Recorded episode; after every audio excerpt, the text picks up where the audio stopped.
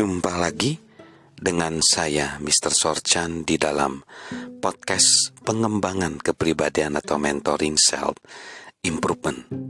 Saat ini kita belajar tentang hukum peregangan di mana kita perlu memiliki tegangan antara posisi kita saat ini dan posisi kita yang seharusnya kita capai.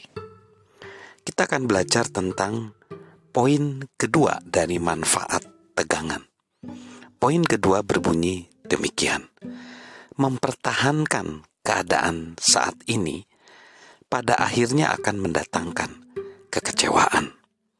Mempertahankan keadaan saat ini pada akhirnya akan mendatangkan kekecewaan. John C. Maxwell percaya bahwa sebagian besar orang secara alami cenderung untuk bertahan dalam suatu zona nyaman di mana mereka lebih memilih kenyamanan dibanding potensi. Mereka terperangkap pola dan kebiasaan yang telah mereka kenal, melakukan hal-hal yang sama dengan cara-cara yang sama bersama orang-orang yang sama di waktu yang sama dan mendapatkan hasil yang sama. Benar bahwa tinggal dalam zona nyaman kita mungkin terasa enak, tetapi itu membawa kita kepada level sedang-sedang saja, dan kemudian membawa kita kepada kekecewaan. Psikolog Abraham Maslow menegaskan, bila Anda berencana untuk menjadi pribadi yang lebih rendah daripada yang mampu Anda capai, Anda mungkin akan tidak berbahagia seumur hidup Anda. Sahabat Mr. Sorjan, jika sahabat mempertahankan keadaan saat ini dan kemudian bertanya-tanya, mengapa kehidupan sahabat tidak berjalan sama seperti yang sahabat harapkan, sahabat harus menyadari bahwa sahabat hanya dapat meraih potensi sahabat bila sahabat memiliki keberanian untuk memaksa diri keluar dari zona nyaman dan menghancurkan pola pikir biasa-biasa saja. Sahabat harus bersedia meninggalkan apa yang merasa akrab, aman, dan nyaman.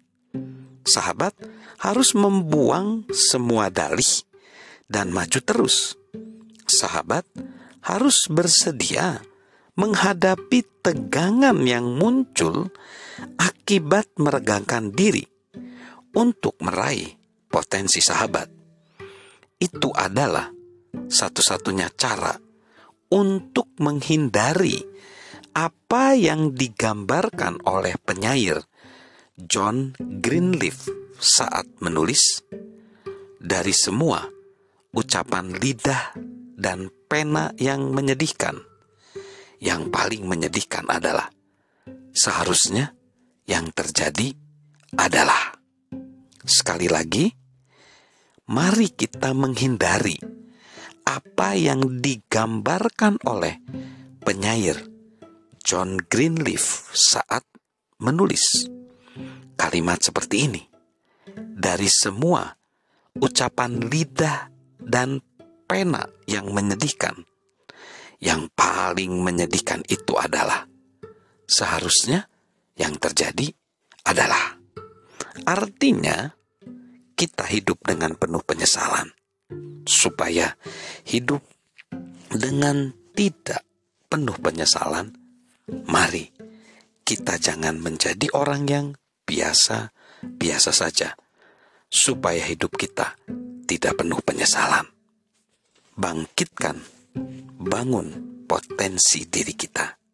Selamat untuk bertumbuh secara kepribadian, selamat untuk menggali potensi diri kita sendiri dari saya, Mr. Sorjan.